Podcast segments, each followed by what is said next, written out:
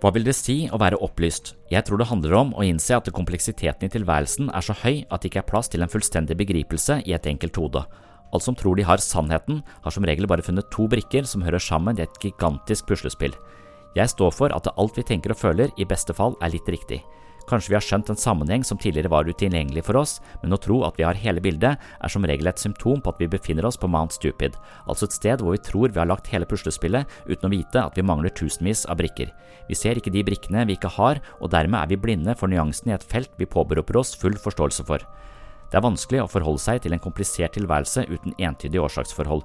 Det skaper usikkerhet og tvil, og derfor er klare svar, entydige årsaksforklaringer, bombastiske konklusjoner og absolutte sannheter tiltrekkende. Istedenfor å ta avgjørelser på gyngende grunn, kan skråsikkerhet gi oss en følelse av forutsigbarhet og kontroll. Derfor er alle mulige slags konspiratoriske forklaringsmodeller lett å selge på det åpne markedet. Hør mer om farlige tanker på sinnssyn.